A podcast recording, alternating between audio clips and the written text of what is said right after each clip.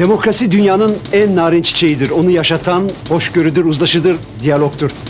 Ya şimdi bu Mehmet Ali Birant'ı neden koydun derseniz ya bizim çocukluğumuz İmanuel'le birlikte işte böyle bu dönemde geçti. O zaman işte 32. gün belgeselleri var. Demir Kıratlar, Yeşil Adalar vesaire. Hepsi de böyle başlıyor. 12 Martlar, 12 Eylül'ler. Bugün kayıt almadan önce sabah konuştuğumuzda İmanu'yla şöyle bir şey dedik. Ya biz hiçbir seçime hayatımızda bu kadar stres altında girmedik. Ki sonra düşündüm mesela 89 seçimlerinde bizim okulda işte arkadaşlar o zaman 8 yaşındayım falan. İşte İnönücülerin Erdal Bey'in SHP'sini destekleyen ailelerin çocukları vardı. İşte Anavatan Partisi'ni destekleyen ailelerin çocukları vardı. Sonraki seçimleri de düşündüm. Böyle herkes birbirini tebrik ediyordu. Hani vatana millete hayırlı olsun diye. Sonra bunun üstüne birazcık daha düşündüm. 94 seçimlerinde Ankara ve İstanbul kaybedilince yani Tayyip Erdoğan ve Melik Gökçek o zaman kazanınca aileler böyle ufak bir depresyona girmişti ama ya genel olarak hani merkezi iktidar falan gene herkes herkesle koalisyon yapıyor, görüşüyor, konuşuyor, ediyor. Türkiye bir yolda gidiyor. Bütün her şey o zamanlarda çok aydınlık olmasa da. Ya böyle çok ağır bir stres yoktu. Şimdi bugün sandığa gidiyoruz artık. Yani biz bu kaydı bir gün önce aldık ama sandığa giderken oy kullanmanın eşindeyken herkesin duyguları böyle gondol gibi. Bir tarafta inanılmaz bir umut var. Diğer tarafta inanılmaz bir korku var ve iki taraf için de geçerli. Yani sadece değişimden yana olan muhalefet değil. Hani orada kazanırsak büyük umudu ve kaybedersek bir şoku, karanlığı, karamsarlığı var ama AKP'ye ve Tayyip Erdoğan'a oy verenler arasında da bir anda böyle bir yükseliyor. İşte gerçek milli irade hisleri. Bir anda da geriye düşüyorlar. Bugün Twitter'da görmüşsünüzdür. AKP'nin daha seçim sürecinden beri çok acayip bir propagandasını yapan, birçok kez de yalan söyleyen ve toplumu kışkırtmaya çalışan Furkan bile Roma'da tatile ihtiyacım var diyor. Yani bütün toplum duygusal olarak dengesizleşti. ben de her dengesizleştiğimde zaten Roma'da tatile giderim ya. Aşk çeşmesinde bozuk paralar atarım. Yani sen daha salim bakarsın diye düşünüyorum ben ama yok yani senin de bakman mümkün değil. Bu seçim böyle bir seçim değil yani. Değil. Ben tabii senin kadar duygu patlamalarıyla yaklaşmıyorum. Bir kere oyumu kullandım. Yani benim için. İkincisi ben yıllardır böyle Türkiye'ye kayıp gözüyle baktığım için öyle kendimi şartlandırdığım için bir savunma mekanizması olarak psikolojik savunma mekanizması. O yüzden büyük umutlarla böyle her seferinde hayal kırıklığına uğramadım. Ama bu sefer hakikaten umutluyum. Yani şu da aklıma geliyor benim ya. Biraz umuttan konuşalım aslında. Böyle bizim gibi tiplerde sinisizmin Türkçesi nedir? Kiniklik mi? Bilmiyorum ben de hep İngilizcesini kullanıyorum. Königsberg bir saçma sapan bir çevirisi vardır kesin. Siniklik galiba. Siniklik. Siniklik olunca da galiba sinik herif böyle ezik pısırık. Neyse evet, ya işte. Olur. Kötümser diyelim. Bu kötümserliğin çekici bir tarafı var. Çünkü o da aslında kendini koruma psikolojisi ya. Ortamlarda Aa, ben haklıydım ben biliyordum zaten bir şey çıkmayacağını filan diyorsun. Ama yanlış çıkarsan hakikaten bir değişim olursa da orada o gazın arasına katılıyorsun sen de. O kutlamaların arasında kimse sana bir şey demiyor. Yani kaybedeceğin bir şey yok. Ama haklı çıkarsan ben biliyordum zaten ya siz işte saf trikler geçmişi unutuyorsunuz filan gibi onların üstüne çıkabiliyorsun. Biraz da insanın kendini koruması. Yani çok kaptırmayayım, çok gaza gelmeyeyim falan diyorsun. Ama bence böyle fırsatlar çok nadir gerçekleşiyor ya insanın hayatında. Yani daha önce sen ne kadar bu kadar heyecanlandığın, bu kadar umutlu olduğun, bir yandan endişede olduğun kaç tane olay oldu? Sadece seçimlerden bahsetmiyorum. Yani insan yaşlanınca bunları da arıyor birazcık tamam mı? Yani gerçek bir değişime yol verebilecek bir dönüm noktasına gelmemiz bence bir lüks. Bunu da böyle kötümserlikle, işte çekimserlikle aman sonradan hayal kırıklığına uğramayayım diye harcamamak lazım. Yani bu hayatın önemli bir noktası insan hayatının. Ben de o yüzden dört elle sarılıyorum bu umuda. Sonradan hayal kırıklığına uğrarsa artık uğray- uğrayalım yani ne olacak? O da hayatın bir parçası. Ama burada yapılacak iş elinden geldiğini yaparsın. Biraz da yüzde onda daha fazlasını yaparsın. Böylece kadere teslim etmezsin yani geleceğini veya rastgele olaylara veya başkalarının kararına. Geçenlerde sen de bunu söylemiştin. Öyle çekimser kalmak, oy kullanmamak iki taraftan da değilim ben işte ben daha üstün bir e, aklın ve ahlakın temsilcisin böyle bir şey yok. Sen karar vermezsen sandığa gitmezsen başkaları senin adına karar verir. bir insanın sandığa gitmesi, kararını vermesi, kendi kaderinin iplerini eline alması demek değildir illa. Ama sandığa gitmemesi o ipleri başkasına teslim etmek. O yüzden dört elle sarılalım. Bu umuda da, her şeye de. Böyle diyorum ve e, Zonguldak'taki mitingime yollanıyorum. Burada böyle siyasetçi gibi konuştum. Yani şöyle bir şey var. Bu seçim sürecindeki en ilginç şeylerden bir tanesi şu oldu. Tabii bir tarafıyla öğrenilmiş çaresizlik vesaire var ama toplumun çok büyük bir kısmında inanılmaz bir umut ve değişim dalgası var. Şimdi şöyle verilere göre sandığa gidip oy kullanırım diyenler toplumun %91'i. Böyle bir oran yok. %91. Evet. Yani Türkiye'de %85'tir genelde sandığa katılım oranı ki bu Avrupa demokrasilerine göre falan uçuk bir rakam.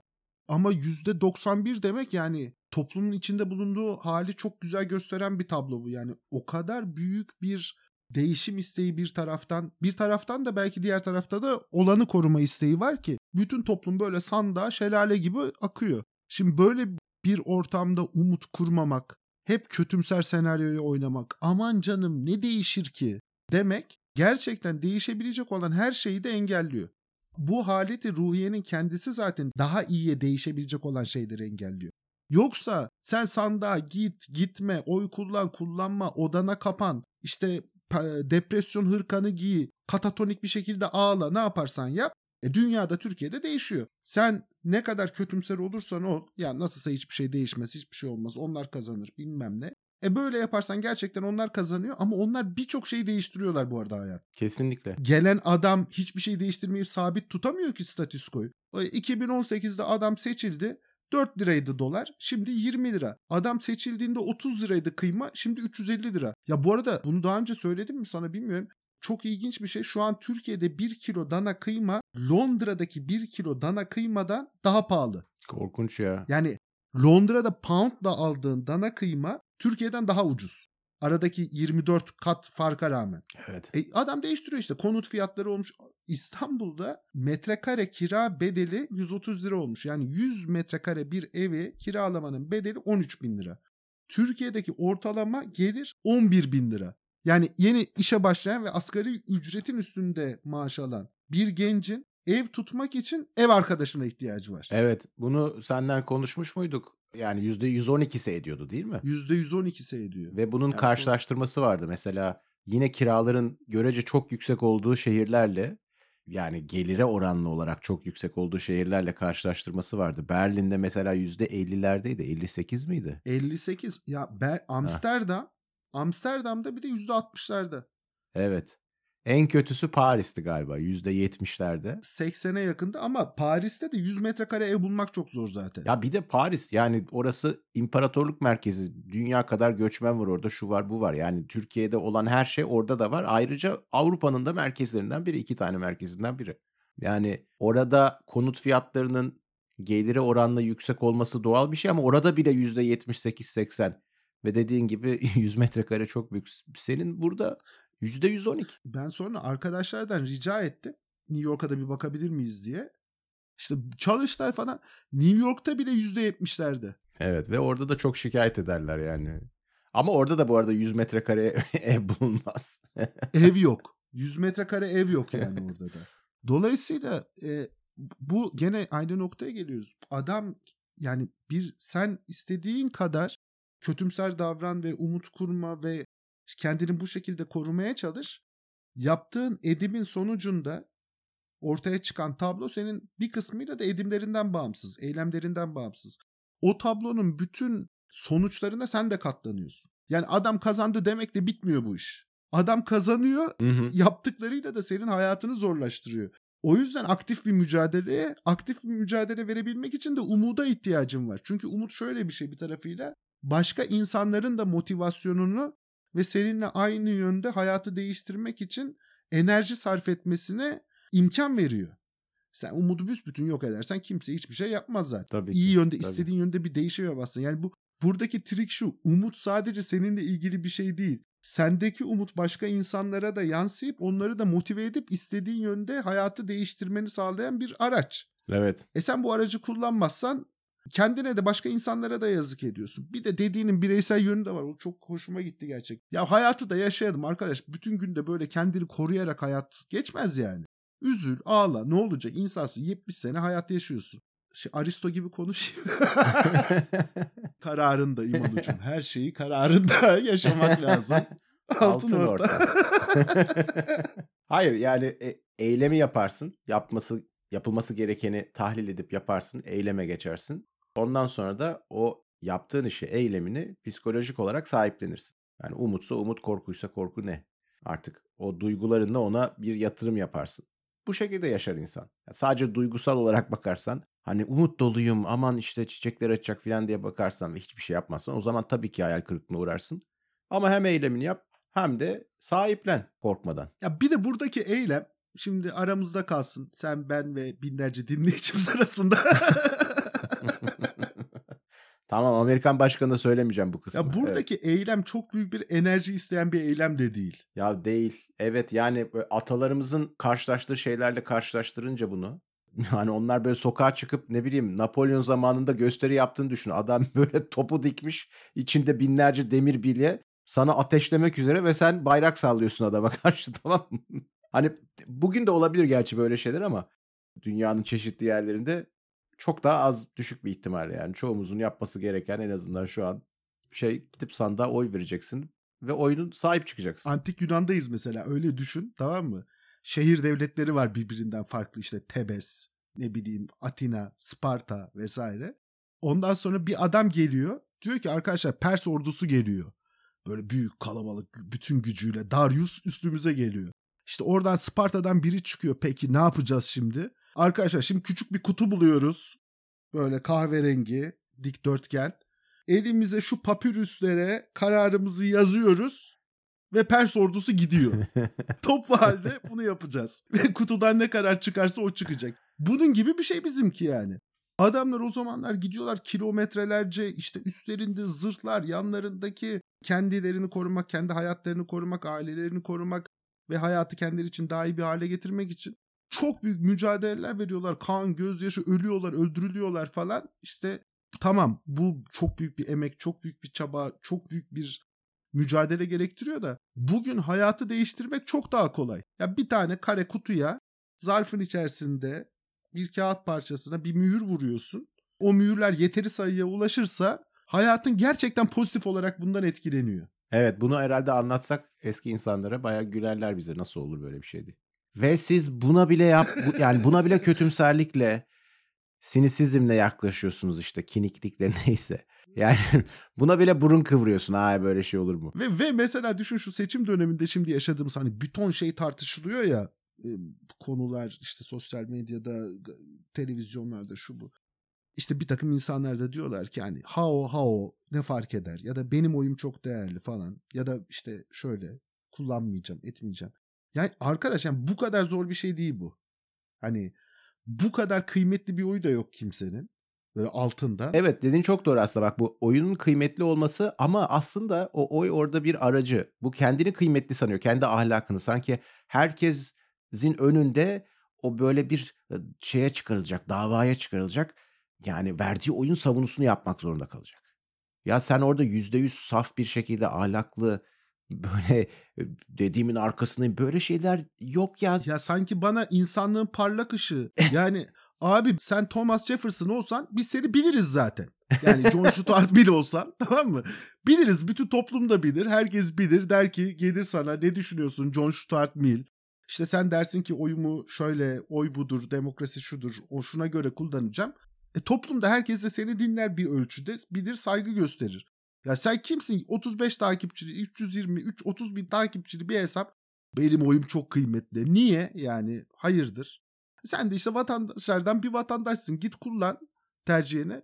Seni de bağlıyor bu kurallar çünkü. Kullanmazsan bizim tercihlerimizin sonucuna katlanacaksın. İstediğin, tam istediğin şey asla olmayacak zaten. Yani. Benim bu- buna bakışım şu. Verdiğin oy senin ahlakını yansıtmak zorunda değil. Hele hele kişiliğinin tümünü, ahlakının tümünü yansıtmak zorunda değil. Yani o oydan sen mesul olup da işte oy verdiğin insanın herhangi bir kötü demecinden, herhangi bir kötü hareketinden gel- geçmişte veya gelecekte mesul değilsin. Çünkü sen kalkıp da evet ben bu kişiye kefilim, bu kişinin arkasındayım demiyorsun yani dememen lazım. biat kültüründekiler diyorlar bunu. Ama biat kültürü içinde değilsen o oyun anlamı başka bir şey olmalı. O oyun anlamı şu olmalı. Ya kardeşim benim oyumun ufak bir gücü var ve ben en az zarar verecek veya bana en çok faydayı sağlayacak oy vereceğim. Bu kadar. Bu değişik şekillerde yapılabilir. Yani illa kazanacak adaya atmak zorunda değilsin. Bazı durumlarda biz de oy verdik yani. Ben her zaman kazanacak adaya atmadım. Hatta çoğu zaman atmadım. Hakikaten bu kadar kritik bir durumda, bu kadar da kazanmaya yakınken yapacağın şey belli yani az çok. Başka da fazla da bir alternatif de yok. Yani kalkıp da ya ben bu kirli sistemin parçası olmak istemiyorum. İşte bilmem. Sen o kadar üstün değilsin. Kimse o kadar üstün değil. Hepimiz bu bokun içindeyiz. Hepimiz bu bokun içinde yuvarlanıyoruz. Biraz daha az boka bulanmak istiyoruz yani. Ve buna da şu anda gerçekten şansımız var. Ondan sonra daha biraz daha iyi şartlar altında sen kendi ahlakçılığını oynayabilirsin. Tamam mı? Benim seçtiğim kişi, aday, parti neyse sizinkinden daha temizdir. Bu şekilde bakabilirsin siyasete daha sonra. Şu anda ama bunu kaldıracak bir durumda olduğunuzu düşünmüyorum. Yani benim düşüncemde değil bu böyle yani. İki kere iki dört kardeşim. Bir de böyle tespit ettiğim güldüğüm bir şey var arada. Türkiye'deki insanların yani tanık olduğum insanların çok büyük bir kısmı kendisini İçişleri Bakanı gibi zannediyor. Sanki bütün Türkiye'deki olan her şeyden o mesul. e, oy veriyor. Oy verip de hükümet kurulduğu zaman kendisi de o hükümetin İçişleri Bakanı olacak. O adamla çalışabilir mi çalışamaz mı işte falan. Bunun gibi bir seviyede düşünüyorlar. Şunu demek istiyorum. Yetki verdiği zaman işte sandığa gittiğimiz zaman bir demokraside o adama kefil olmuyoruz senin dediğin gibi. O adama yetki veriyoruz ve o adama yetki verdikten sonra da yetki veren olarak işte eleştirebilme, kötü yaptığı şeye kötü diyebilme, işte yanlış bir şey yaparsa bunu söyleyebilme, haklarımızı da tutuyoruz. Ben oturup şimdi Ekrem İmamoğlu'na oy verdim. Evet, Ekrem İmamoğlu'nun bundan sonra hayatı boyunca yaptığı her şeyden ben mesulüm. Yok öyle bir şey. Ekrem İmamoğlu ha, düzgün bir şey yaparsa benim desteklediğim bunu ifade ederim normal bir demokraside. Yanlış bir şey yaparsa da ya ben senin seçmeninin kardeşim bu yaptığını doğru bulmuyorum yanlış diye eleştiririm. 21 yıldır öyle bir iktidar yapısı kuruldu ki tekçi. Ya adam sanki Tayyip Erdoğan o kütlenin vücuda gelmiş hali onu sürekli savunmak zorundalar, korumak zorundalar, pamuklara sarıp sarmalamak zorundalar. Adam her şeyi yapabilir. Yeter ki işte o rejim, sistem, hikaye bozulmasın. Kendi seçmenini döve döve Tayyip Erdoğan ve bizim seçmenimiz de bu arada. Oy verdikleri insanları denetleyemez, haklarını kullanamaz bir hale getirdi. Biz vatandaştan partizana, ondan sonra kula, tebaaya ya da muhalif düşman unsura evrildik. Ya ben Tayyip Erdoğan'ı eleştirdiğim için düşman değilim ki. Bu ülkeyi yöneten vatandaşların önemli bir kısmının yetki verdiği bir adam vardı orada. Onun yaptığı eylemlerin, aldığı idari kararların benim hayatıma ve bütün toplumun hayatına menfi, kötü sonuçları olduğunu düşünüyordum ve bunu söylüyordum. Bu açık tartışma ortamında yaşayabilmemiz bizi vatandaş yapar ve vatandaşlık haklarımızı korur. E Tayyip Erdoğan bunu ezdi. Şimdi bizim cenah ne olursa olsun hiçbir şey söyleme aman eleştirme demek zorunda kaldı. Çünkü karşı taraf bu kadar radikalleşince hani ne olursa olsun artık şeye döndü yani. Adam ne yaparsa bir gün arayla ikisini de savunabiliyorlar. Adam ey Sisi diyor alkış. Sisi ile sıkışıyor alkış. Adam ben hayatım boyunca İsrail'le bir daha görüşmem diyor. Alkış. İsrail Cumhurbaşkanı geliyor el sıkışıyor. İşte birlikte işbirliğini arttıracağız diyor ona da alkış. Mavi Marmara'ya gittiği zaman işte İsrail oraya müdahale edince işte bu terör devletidir Mavi Marmara şehit oldular diyor. Beş gün sonra kalkıp diyor ki giderken bana mı sordunuz diyor ona da alkış. Her şeye alkış. Merak ettiğim şey dünyadaki trend aslında. Yani 80'lerle falan karşılaştırınca birazcık yanıltıcı olabilir de diğer ülkelerdeki değişim nasıl bize oranda? Böyle bir çalışma var mı acaba? Hani bu dediğin ya bugün dediğinin tersini yarın savunabilir ve politikacı zaten bunu yapar da taraftarları da bunu hakikaten savunabiliyorlar.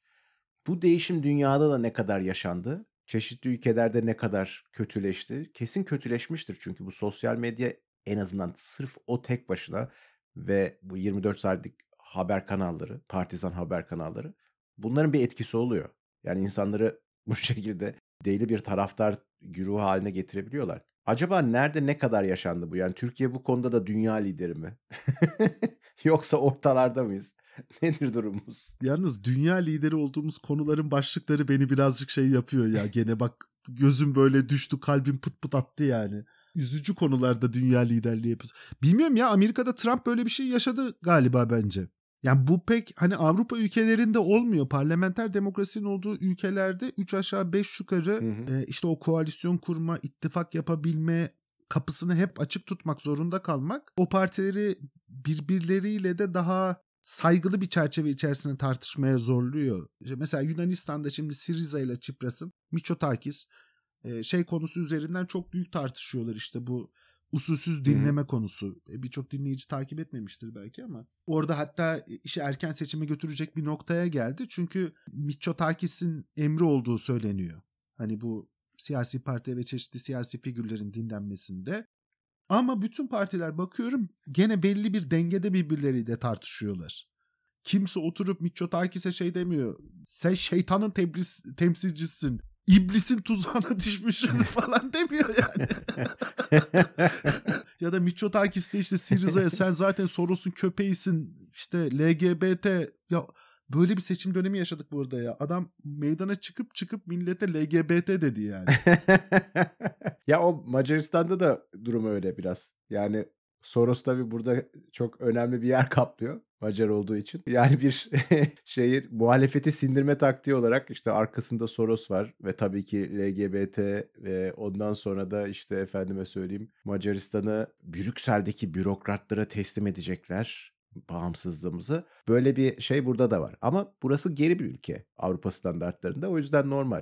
Trump'ın durumu biraz daha garip. Yani ben şimdi düşünüyorum bir yandan sen konuşurken bizimki gibi politikalarda bu kadar döneklik yaptı mı diye vergi politikasıydı, dış politikalardı. Ben pek aklıma gelmiyor göçmenlikti. Yani ne dediyse daha önceden onu savunmaya çalıştı, onu yapmaya çalıştı. Hepsi bence yanlıştı. Hepsi değil, çoğu yanlıştı diyeyim. Ama böyle bir günden bir güne döneklik yaptığını sanmıyorum. Biraz siyasetin içinde olacak şekilde belli bir noktaya kadar tahammül edersin de. Onun dönekliği şuydu yalnız. O kişisel döneklik çok yaptı. Yani adam etrafına bir takım kuruyor. Ondan sonra onları acayip parlatıyor, övüyor filan böyle bu en mükemmel vatansever bilmem nedir ben bunu elimle seçtim. İki gün sonra herifi şey yapıyor şutluyor takımdan ve bunu zaten hiç sevmezdim Allah'ın belası bu geri zekalının tekidir diye arkasından Twitter'dan bunları yazıyordu tek tek.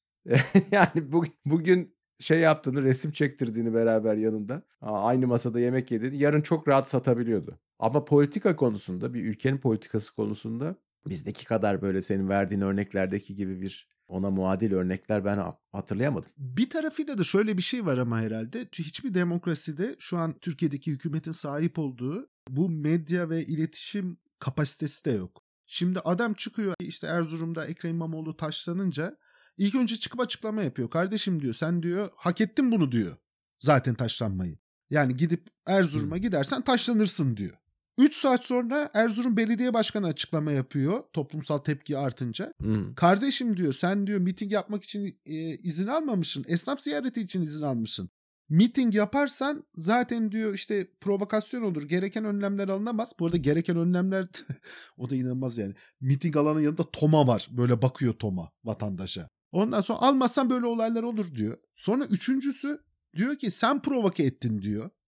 Birkaç saat sonra. Sen taş alıp vatandaşa attın diyor. Hı hı. Bak. Dördüncüsü hayır diyor FETÖ atmış diyor taşı diyor. Ekrem İmamoğlu'na. Bizim alakamız yok diyor. Hı hı. Askerin içerisinde as subay vermiş FETÖ'cü. O provoke etmiş vatandaşı. O taş atmış diyor. Sonra adamın FETÖ'cü olmadığını gene kendisine bağlı Milli Savunma Bakanlığı açıklıyor. Evet, evet. En sonunda da diyor ki bu mükemmel yani. Numan Kurtulmuş çıktı dedi ki taş bize atılmıştır dedi ya. İki gün sonra. Ya abi bir konudaki bütün argümanları aynı anda söyleyemezsin. Yani hepsini. o, o ama o siyasal İslamcılığa özel bir şey. Bak onu Amerikalılar yapamaz. Bak aslında bu şöyle olabiliyor. Yani demin olayı sosyal medya acaba bunu nasıl değiştirdi küresel olarak o noktadan ele almamın sebebi birazcık buydu. Tek bir ağızdan eğer bunlar aynı ağızdan gerçekten geliyor olsalar bizde çünkü teoride öyle çünkü her şey tek bir adama bağlı ya. O zaman gerçekten saçma bir durum var.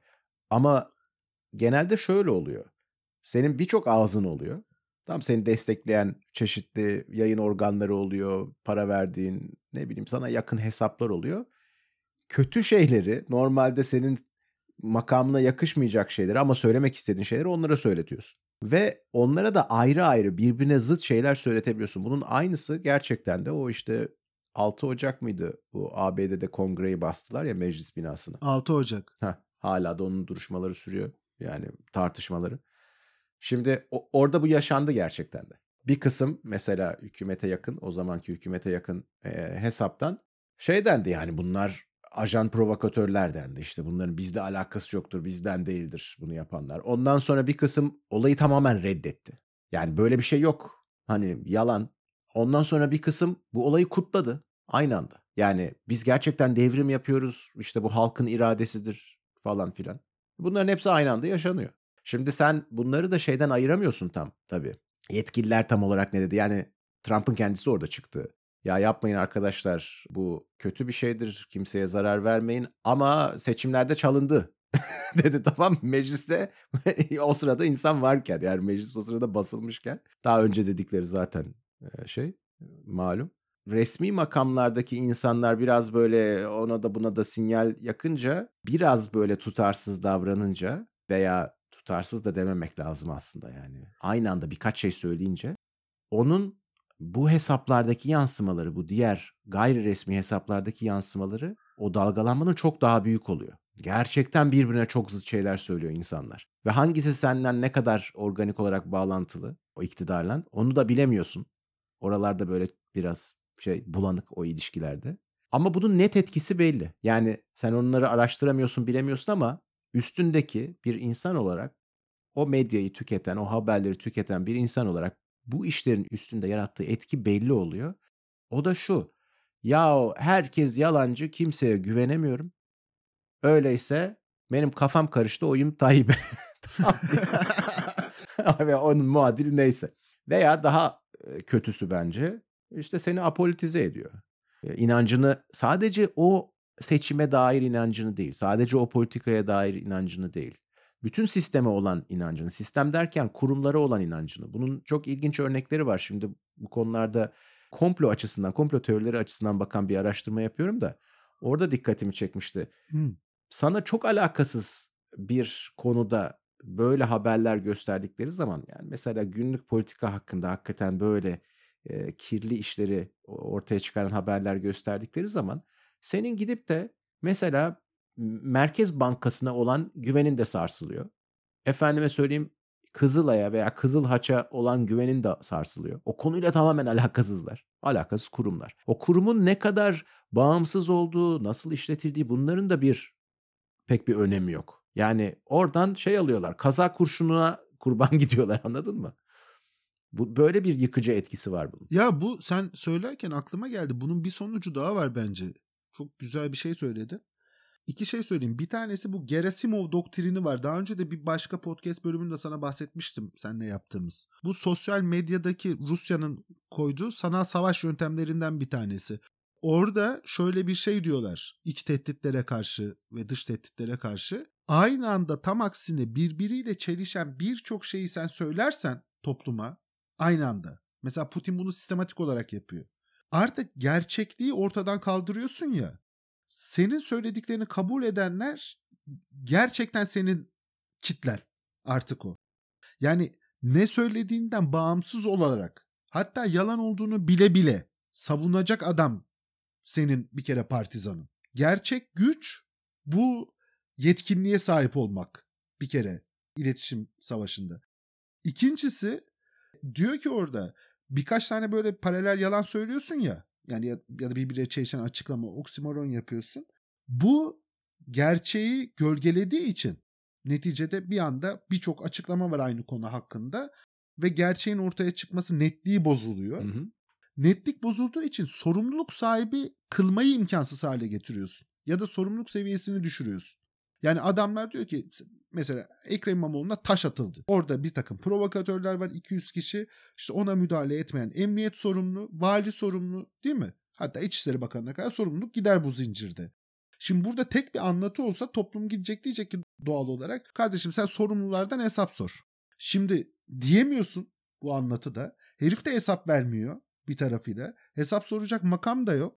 Böyle olunca konunun netliği bozulunca sorumlu bulamıyorsun. Cezasızlık ortaya çıkıyor. Kimse yaptığı eylemden dolayı bir ceza almıyor ya da çok az ceza alıyor. Netice itibariyle bütün kurumlar ve kurumsal güven ortamı zafiyete uğruyor. Dolayısıyla adamlar şunu tespit etmişti zaten. Hani demokrasileri böyle güçsüzleştirmenin yollarından bir tanesi çoklu anlatıyı sürekli yaygınlaştırmak. Hı hı. Yani bir noktaya kadar bu zaten kendiliğinden olacak. Hani ifade özgürlüğünün ve teknolojinin birleşiminin getirisi bu. Ama bunu bir de desteklersen şey olarak resmi kanallardan finansal olarak artı bir şekilde onlara bilgiler yedirirsen, ifşalar yedirirsen, sanki senin gayri resmi bir yayın organın gibi onları kullanırsan o zaman bunu iyice arttırıyorsun. Yani bunun çözümünün de ne olacağını bilmiyorum ben. Bu dediğin şey bence her yerde oluyor. Ama seviyesi çok değişiyor. Ya şimdi şöyle mesela utanma diye bir şey var. Utanma dediğimiz şey şununla alakalı. Yani siyasetteki utanmadan bahsediyorum. Günlük utanmadan değil. Çünkü Hı-hı. bu karşı karşıya kaldığım olduğumuz ya da örneklerini verdiğimiz insanların bir kısmı günlük hayatında yalan söyleyince utanıyor mesela yalan ortaya çıkınca değil mi? Ya ben zannetmiyorum ki aktörlerin oturup da sokakta da sürekli yalan söyleyip manyak gibi gezdiğini yani. Hı hı. Çevrelerini, annelerini, babalarını, sevdiklerini dürüst bir insan olmaya çalışıyorlar. Dürüst gibi gözükmeye çalışıyorlar falan. Siyasette yalan söylüyorlar. Şimdi bu siyasette yalanın cezalandırıldığı ya da cezalandırmasının daha yüksek olduğu toplumlar var. İşte Danimarka, İsveç değil mi buralarda? Aşağı doğru gittikçe oran azalıyor. Almanya mesela çok yüksek. Ama totaliter rejimlerde genel olarak şöyle bir eğilim var. Zaten yalan ödüllendiriliyor. Evet. Ya ben senin demek istediğin şeyi anladım. Yani burada aslında biz iki farklı taraftan yaklaşıyoruz. Senin dediğin, evet. verdiğin örnekler bizim ülkenin de uyduğu örnek. Yani bizim ülkede durum o kadar saçma ki aynı insan çıkıp gerçekten her gün birbirine zıt şeyler söyleyebilir. Veya o insanın hemen yanındakiler tamamen birbirine zıt şeyler söyleyebilir ve bu o kitleyi rahatsız etmiyor. Etmesi lazım. Bu refleksi kaybetmiş durumdayız. Benim dediğim toplumlarda ise biraz daha genel bir trend bu. Herkese etkileyen trend. Aynı kişi değil de o kişiye bağlı ama direkt olarak bağlı değil. Dolaylı yoldan bağlı. Onun çevresinde, yörüngesinde dolanan bir sürü işte bu düşünce kuruluşu, yayın organı şudur budur. Hepsi ortalığı karıştırıyor. Bir endüstri var orada ve bunun bir kısmı komplo yani bir kısmı organize bir kısmı da zaten ekonomik teşvikler sonucu kendiliğinden geleceği nokta. Çünkü herkes kendi nişinde en uç şeyi söylemeye teşvik edildiği için o şekilde o grup içinde öne çıkacaklar. Lan diyor şu şey kapılmış, şu cephe kapılmış evet. veya şu şu söylev kapılmış. Ben o zaman şuna yöneleyim. O da onun tam zıttı olması sorun değil yani. Onu da takip ederler, bunu da takip ederler. O anlık para kazanıyorsun. Dediğin doğru yani sırf öyle oluyor diye teknolojik trend bizi birazcık ortalığı bulanıklaştırıyor diye bu bizim ülkelerde olan ilkel versiyonuna tamah etmememiz lazım. Yani bir insan çıkıp da hakikaten senin o verdiğin işte o örnek o İsrail'e giden gemi örneği ben mi verdim emri kendilerine kendi kendilerine gitmişler falan. Yani bir gün içinde iki gün içinde dönüyorsun sözünden aynı insan. Sen bunu nasıl zombi gibi yapışırsın ya? Desteklersin hala. Alexander Solzhenitsyn'in bir tane lafı var. Nette de çok dolaşıyor. Stalin dönemi hakkında söylemiş adam da. Diyor ki yani şöyle bir şey aklımda kalan. Yalan söylediklerini biliyorlar. Yalan söylediklerini biliyoruz. Yalan söylediklerini bildiğimizi biliyorlar. Gene de yalan söylüyorlar. Diyor tamam mı adam? Şimdi, şimdi bu çok güzel bir hakikaten şey yaşadığımız durumu çok güzel özetleyen bir şey. Adam için yalan, hakikat, şu bu falan onların hiçbir anlamı yok zaten. Yani adam senin de zaten senin kitlenin de ne olduğunu ve kendisinin yalan söylediğini biliyor. Şimdi çıkıyor hı hı. İstanbul mitinginde bir reklam filmi var Kemal Kılıçdaroğlu'nun. İşte haydi haydi diyor. Kemal Kılıçdaroğlu çıkıyor arkaya işte gençler geliyor ne bileyim çiftçi geliyor bilmem ne geliyor. O arka görüntüye kandil görüntüsü koymuşlar Murat Karayılan. Kemal Kılıçdaroğlu çıkıyor haydi işte falan diyor tamam mı? Sonra Murat Karayılan görüntüsü çıkıyor. Bunu Recep Tayyip Erdoğan İstanbul mitinginde mitinge gelenlere izletti. Hı hı. Yani ya, kendileri üretmiş yani yalan olduğundan öte. yani zaten orada iki seçenek var. Hani adam yalan söylüyorsa bu zaten kötü ve birçok şey söyleyebiliriz de. Adam bu görüntünün sahte olduğunu bilmiyorsa bu güvenlik sorunu artık. Yani böyle bir reklam yapabileceğine inanıyorsa Kemal Kılıçdaroğlu'nun değil mi? Arkaya Murat Karayal, Karayılanlı falan, Cemil Bayıklı. ha işte yani adam bunu utanmadan yapıyor, sunuyor. Karşı taraf kitle alkışlıyor. İşte ve bu, bu ve bunun yalan olduğu belli ama adam için zaten önemi yok bunun. Adam için önemli olan şey şu. Ben bu yalanı alenen söyleyebiliyor muyum? Söylüyorum. Bu güce sahibim. Benim kitlem ben bunu söylediğim zaman buna bile evet diyebiliyor mu? Evet. E o zaman ben zaten her şeyi yapabilirim artık. Çünkü artık hiçbir sınırım yok. Bu hakikatle ilgili konular, yalanla ilgili konular dünyada işte biz seninle de konuşuyoruz ediyoruz. E, dünyada çeşitli ölçülerde oluyor ama bizdeki gibi olan ölçüsü bizim insan olarak bütün haklarımıza bir kuşatmaya dönüşüyor. Çünkü bunu söyleyip kitlesini inandırabilen bir adam ve o geniş kitleden aldığı güçle her şeyi yapabilen bir adam. E sana da der ki kardeşim hiçbir delil göstermesine falan da gerek yok. FETÖ'cüsün der tut, tutuklar. Ya bu halk güvenlik sordu işte öyle bakacaksın ya. Ona inanan onu alkışlayan tipler var orada. Evet. Yani e, gider işte ne bileyim senin malına el koyar. Tamam mı? Ne diyeceksin? Ya hiçbir kurumun da kalmamış. Oradaki tekil olay bize sadece hani yalanı falan göstermiyor. Ya biz hani bugün sandığa giderken oylayacağımız şeylerden bir tanesi de şu. Ya bizim haklarımızı savunacak, bizim haklarımızı koruyabileceğimiz bir tane kurum kalsın Türkiye'de. Bir şey olsun. Benimle devleti yönetenler arasında. Yoksa zaten hani her şeyi yapıyor adam. Her şeyi yapabilir. Evet. Şey de bunu demişti aslında ya bir ara Trump demiş miydi yoksa dezenformasyon muydu hatırlamıyorum şimdi ama kafamda karışmış. Sokağa çıkıp 5. Avenue'da işte New York'un ortasında çıkıp birini vursam yine Evet. de bana oy verirler yine de seçilirim gibi bir şey demişti. Dur arayayım şimdi ya. Gerçekten demişti onu galiba. Bir arkadaş grubunda demişti diye hatırlıyorum. Bir arkadaş grubu. Ne tip gruplarda takılıyorsun sen de kardeşim? Roşit, Soros. Evet şeyde 5. Avenue'nun ortasında durup birini öldürebilirim, vurabilirim ve seçmen kaybetmem. 2016'da demiş bunu pardon. ya kendi destekçileri de evet işte biz o kadar körüz ve herhangi bir şeyden yani yeter ki sana oy verelim, tapalım. Sen ne istersen. Bir insana zaten bir seçmen grubu gelip böyle yapsa sana bana da yapsa tamam mı? Dese ki sen ne yapsan abi? Gel adam öldür, tecavüz et, para çal, ne istersen yap. Sen yap derse valla ben olsam yaparım. Yani ahlakını nasıl koruyacaksın ki? Koruyamazsın. Yani evet. Şimdi bak bunlar tabii bir de değişik tipler. Yani Trump gibi biri mesela bu herif hayatı boyunca aşırı zengin bir şekilde yaşamış. Yani çok ayrıcalıklı milyarder. Zaten adamın default hali bu. Yani bu ekstradan bir de narsist de. Böyle bir psikolojik rahatsızlığı olmasa da zaten o statüdeki birinin böyle davranmasını beklersin. Yani ona özel Trump olduğu için böyle çok e, ekstra bir şey yapmıyor adam. Zaten bunlar böyle. Bizdeki versiyonu da biraz şey oluyor. Bizde böyle tipler olmadığı için genelde ezik tipler oluyor tamam mı? Böyle intikam için gelmiş. O işte ezilmiş ezilmiş. Şimdi eline gücü alınca karşı tarafı ezmek. O şekilde yükselmek istiyor. Biz ikisi de değiliz bunların. Ama biz de bozuluruz. Başka şekillerde bozuluruz. Yani bu halk hak ediyor derim ben. Öyle miting alanında karşında 500 bin kişiyi görünce söylediğin yalanlara rağmen başka bir kafaya geçiyorsundur kesin ya. Bizim böyle rock e, yıldızlarına falan sormamız lazım. Onların bileceği bir şey tamam mı? Onların da karşısında oluyor ya böyle manyak manyak hayranlar.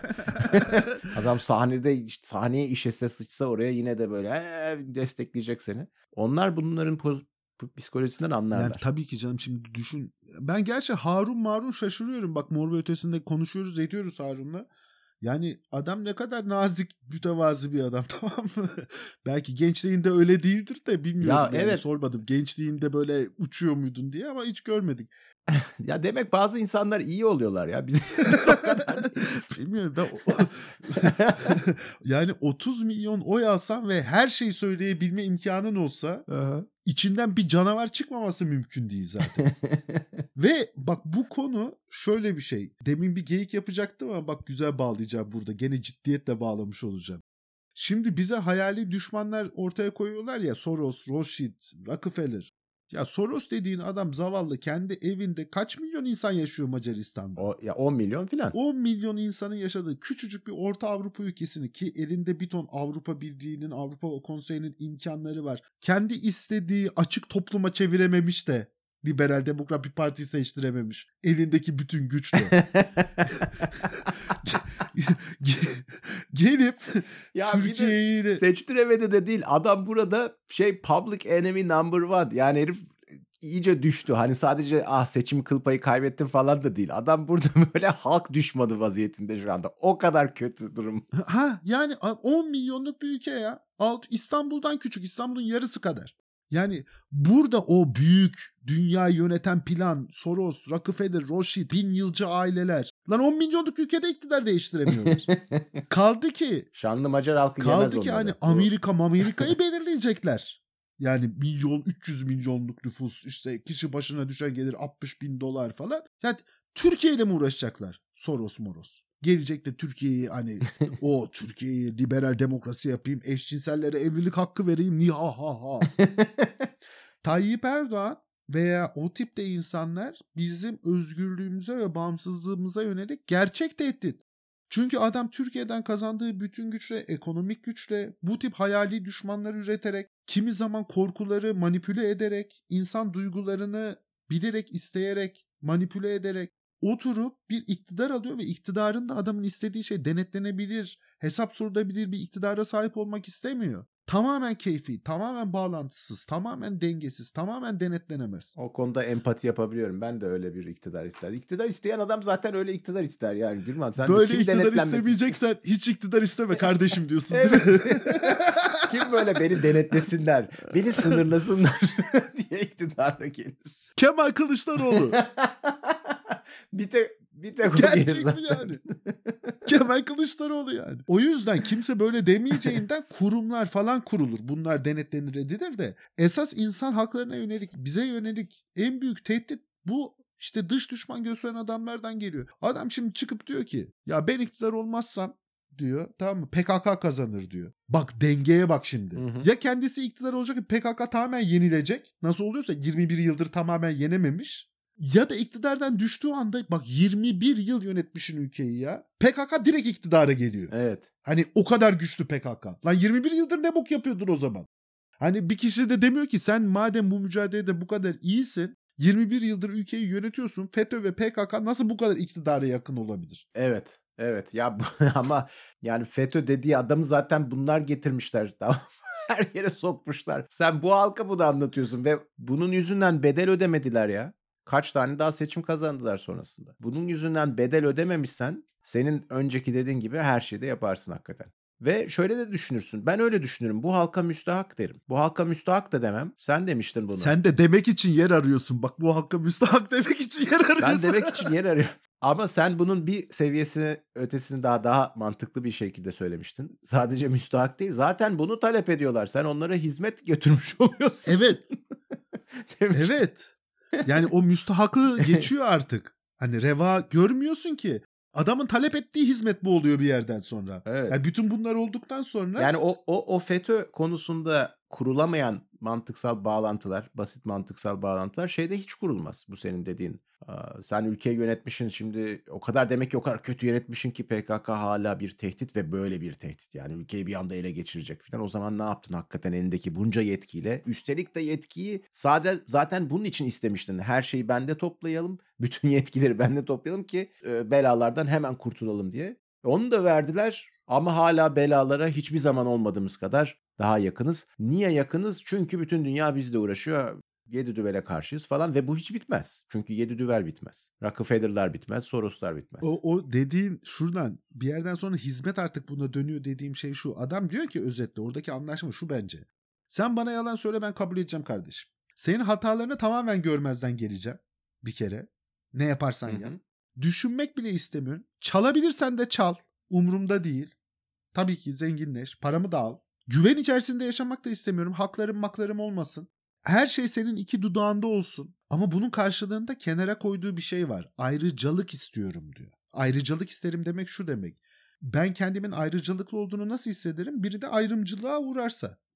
Hani bir restoranda sıradayız. Ben arkadan geldim. Oo Gürman Bey hoş geldiniz. Buyurun deyip masaya gösterdiler. O görüntünün kendisi zaten ayrıcalığı yaratan şey.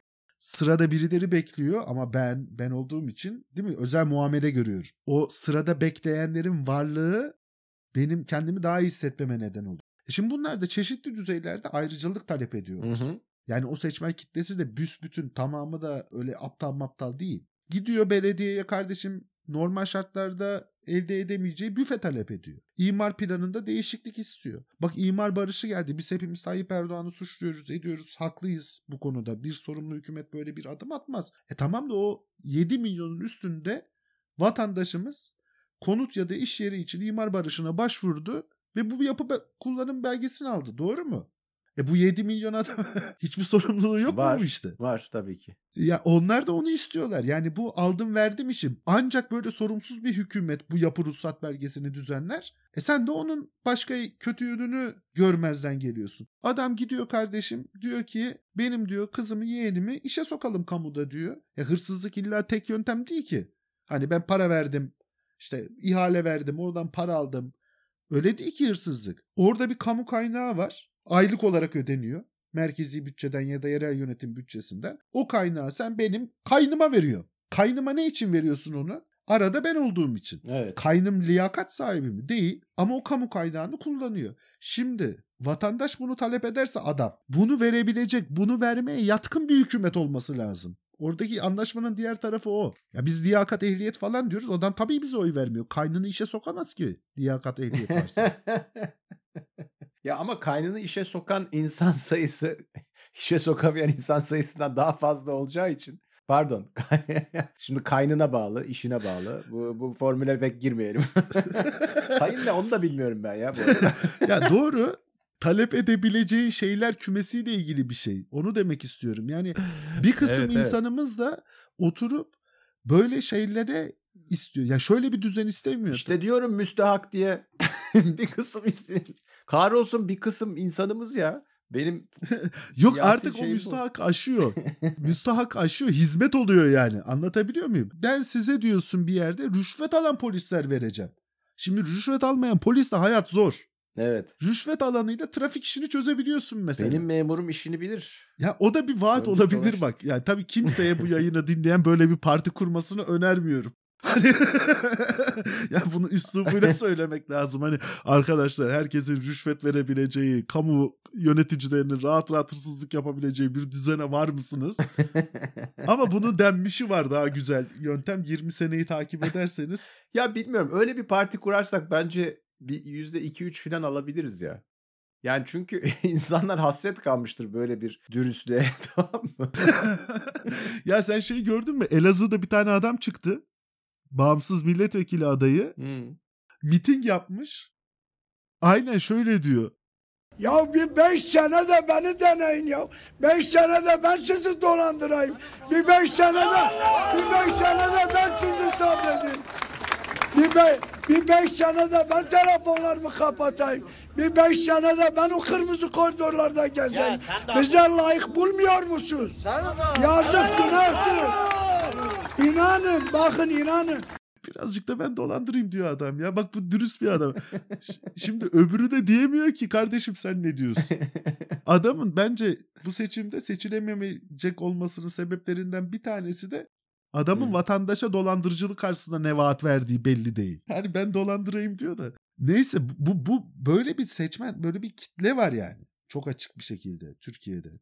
O kitlenin çoğunluğu oluşturduğu bir yerde normal onuruyla işte yaşamak isteyen, emeğiyle üretmek isteyen, işte kendi hiç kimse hayatını normal, düzenli geçiremez. Onların çocukları da geçiremez. Böyle olur işte hastanelerimiz bu seviyede olur, okullarımız bu seviyede olur, daha kötü olur.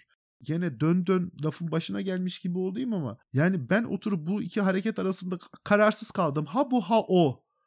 Yok böyle bir dünya yani. Ya bu iki hareket arasında kararsız kalmak için de gerizekalı olmak lazım. Yani bak AKP'ye oy vermek için gerizekalı olmak lazım demiyorum. O apayrı bir şey. Bu arada ona oy veren akıllı insanlar da var, gerizekalı insanlar da var. Çeşitli çeşitli sebeplerle AKP'ye oy verebilirsin. Ama gerçekten de ya bunların arasında karar veremiyorum. Yani ikisi de olabilir. Bilmiyorum yani ne yapmaları lazım daha? Kaç sene daha ülkeyi yönetip kötü kararlar vermeleri lazım? Kaç sene daha kurumların içini boşaltmaları lazım ki aradaki farkı 20 senedir iktidara gelememiş bir muhalefetle böyle bir devletleşmiş iktidar arasındaki farkı göreceksin ya. Ya gerçekten şunu diyen insana daha çok saygım olur. Ya kardeşim ben devletleşmiş tek parti rejimi istiyorum. Daha güçlü olur. İşte bu adamların da kusuru var ama En azından aramızda duygusal bağ vardır falan filan. Bin tane bahane, sebep öne sürebilirsin. Yani neyin neden savunduğunun farkında olan insanlara daha çok saygı duyuyorum ben. Gerçekten öyle. Adam diyor ki ötekinden nefret ediyorum diyor mesela. Sizin kazanmanızı istemiyorum diyor. Bu, bu, bu bence sufficient bir şey. Adama katılmam, adamı iyi bir insan bulmam, adamla mücadele ederim falan ama bu mantık insani. Şimdi bak şunu da kabul ederim. Sen mesela menzil tarikatı üyesisindir. İkisi arasında kararsız kalmışındır. Yani bir tanesi senin ayrıcalıklara sahip olduğun bir düzen vaat ediyor. Diğeri de doğru olanı vaat ediyor. Çoğunluk açısından. Hı hı. Bu ikisinde kararsız kalma. Ya sen tamamen kaybetmişsin zaten. Bu rejimin ötekisisin. Hı hı. Yani senin üstünden geçiyorlar. Yaşama şeklinin, hayatının, haklarının, kimliğinin. Her gün seni adam aşağılıyor. Adam çıkıp sana sürtük diyor. Evet, hani evet. aradaki riskler de o kadar çok ki. Evet. E, Gerçekten bir toplumun herhangi bir toplumun yüzde ikisi sosyopatlardan oluşuyor. Belli bir seviyesinde psikolojik sorunları var. Demokrasinin aşil tendonu burada yani. Sosyopat partisi mi kuralım? Ne diyorsun? Ne gizli bir mesaj mı veriyorsun burada? Yaşasın, kahrolsun empati. Yaşasın sosyopatlar. Ya abi ben şey düşünüyorum ben ya hakikaten e, bazen. Yani şu an Türkiye'de kaç insan psikolojik rahatsızlıklarıyla birlikte yaşıyor ve toplumun içerisinde tespit edemediğimiz için onu da bilemiyorsun yani. Evet. Ya şimdi sandık başında insanlar vardır, oy kullanmaya gitmişlerdir, gelmişlerdir. Belki saat 5 oldu. Sen şeyi biliyorsun hep söylüyorum da dünyanın en profesyonel vatandaşları seçim konusunda Türkiye Cumhuriyeti vatandaşları, Türkler. Seçmen kaydının peşine düş. Seçmen kaydının bulunduğu hanede yabancı olup olmadığını kontrol et. Varsa listeden düş. Sonra seçim günü geldiğinde seçmen kaydını al, kimliğini al, oy kullanmaya git. Sonra müşahit ol. Sonra ıslak imzalı tutanağın peşine düş. Islak imza tutanak diye bir şey dünyada bilen, demokrasilerde bilen 8 kişi falan vardır. Islak imza kalıbı yok birçok dilde. Sadece Türkçe'de var. Ben sana bir şey söyleyeyim mi? Ben bu seviyede seçim hukukuna hakim olan yani mesela e, İngiliz Başbakanı'nın şu anki bu seviyede seçim hukukuna hakim olduğunu zannetmiyorum yani. Islak imzalı tutanağın peşine düş. Islak imza tutanaklarla YSK kayıtlarını karşılaştır. Hı hı. Sonra İÇ YSK'ya gitti mi?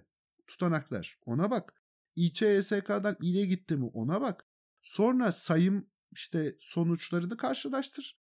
Sonra itirazlarını yap falan filan tamam mı böyle 232 bin 200 bin sandıkta bu işlerin peşinde vatandaşımız yani. Ve bunu her seviyede yapıyor. Geçen gün Kemal Kılıçdaroğlu açıkladı. İşte neredeyse 500 bin kişiyi aşan bir seçmen müşahit ordusu var. Bu ordu artık 500 bin yani şöyle düşün 550 bin nüfusu var Türk Silahlı Kuvvetleri. Evet ordu.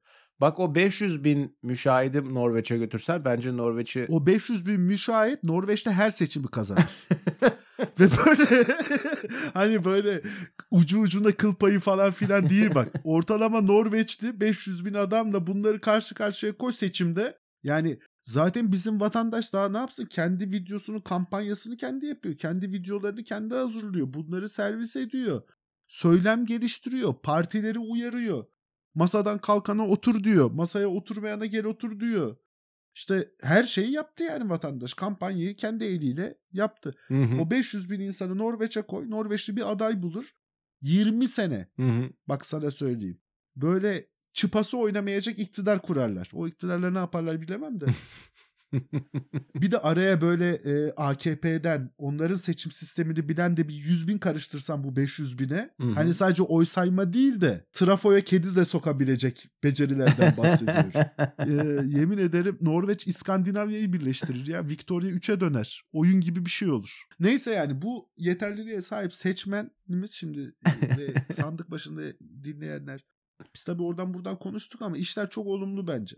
Çok uyumlu. Herhalde ben tahmin ediyorum bu akşam Anadolu Ajansı seçim sonuçlarını geç verecek. Muhtemelen TRT geç verecek. Muhtemelen internet yavaşlatması göreceğiz.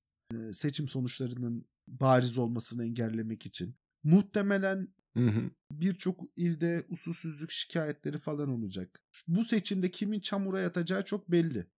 Ama sabahında Gandalf gelecek ve biz bu seçimi inşallah kazanmış olacağız. İnşallah.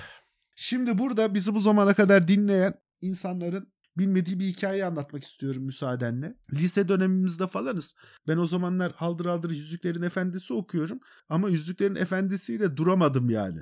İşte ne bileyim Dries Duar'den Unutulmaz Diyarlar, Dragon Lance, Ölüm Diyarı serisi Margaret Weis'in falan vardır. Ondan sonra onları da okudum. İşte böyle bir kütüphanemin iki rafı mı?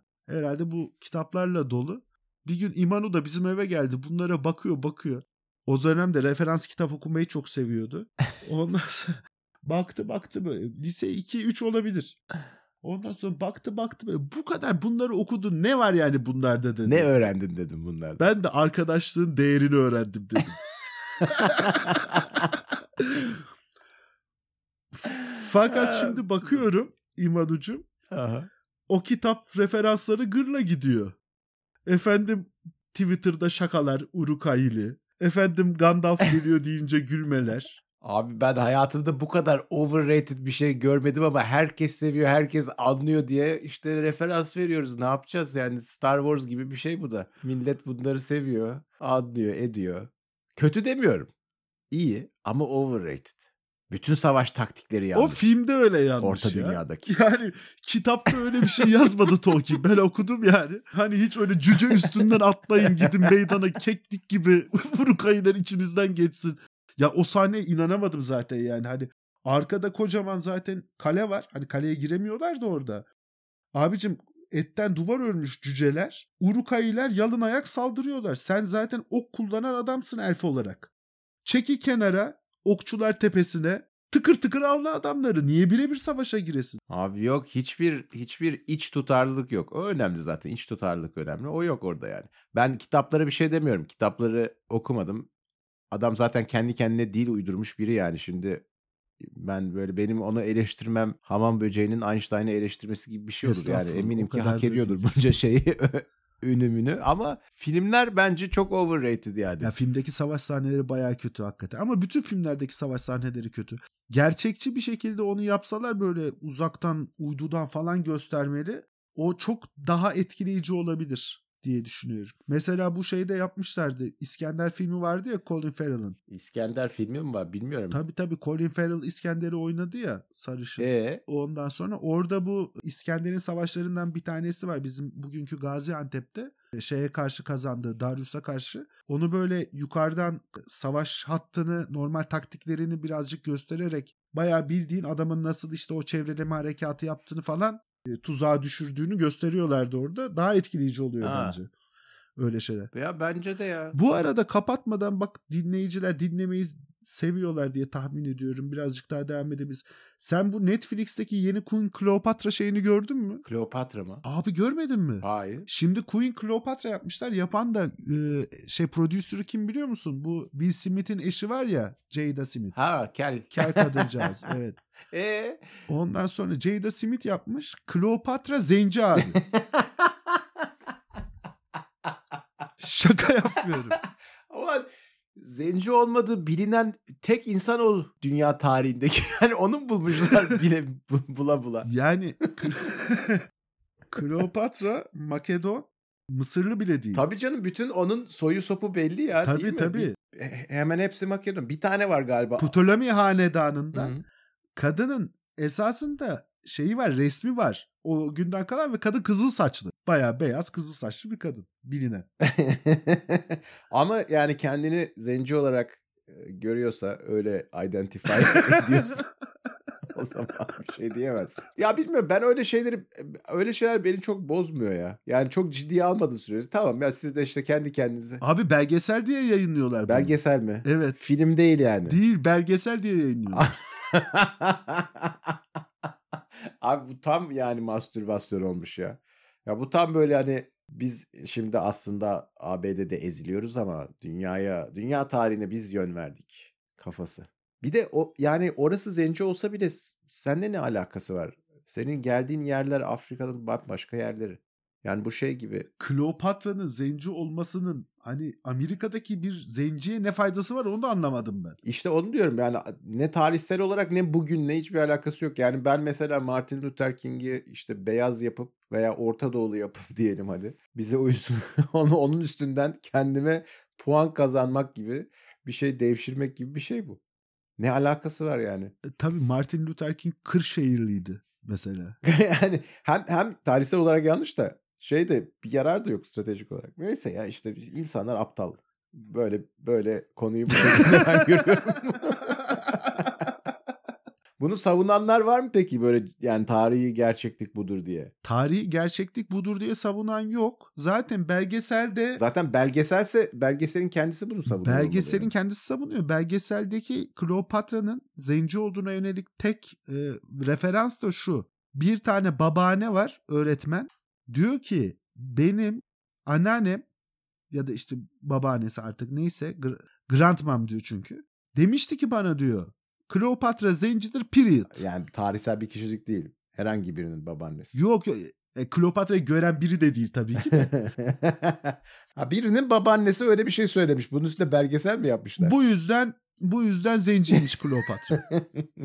Bilemiyorum yani bundan uğraşmamak lazım bence. Çünkü bazı deli saçması şeylerin algoritma tarafından derinliklere gömülmesi lazım yani. Şimdi şöyle bir normal mesela Jada Smith Kleopatra belgeseli çekebilecek biri değil. Ya Adam Curtis gibi belgeselcilikten gelmiyor. Zaten tarihçi değil. Hiç konuyla alakasız bir insan. Aha. Tamam mı? İki, şimdi sen belli ki boktan bir belgesel çekeceksin. Ama sen onun içerisindeki ana insanı zenci yaptığın zaman şimdi biz eleştiriyoruz ya ister istemez. O zaman senin boktan yaptığın belgeseli şöyle savunabiliyorsun. Bak gördün mü zenciye dayanamadıkları için, ırkçı oldukları için karşı çıktılar diyebiliyorsun. Öyle yapıyorlardır kesin ya. Bu çok bence kesin bunu planlayıp böyle yapmışlardır.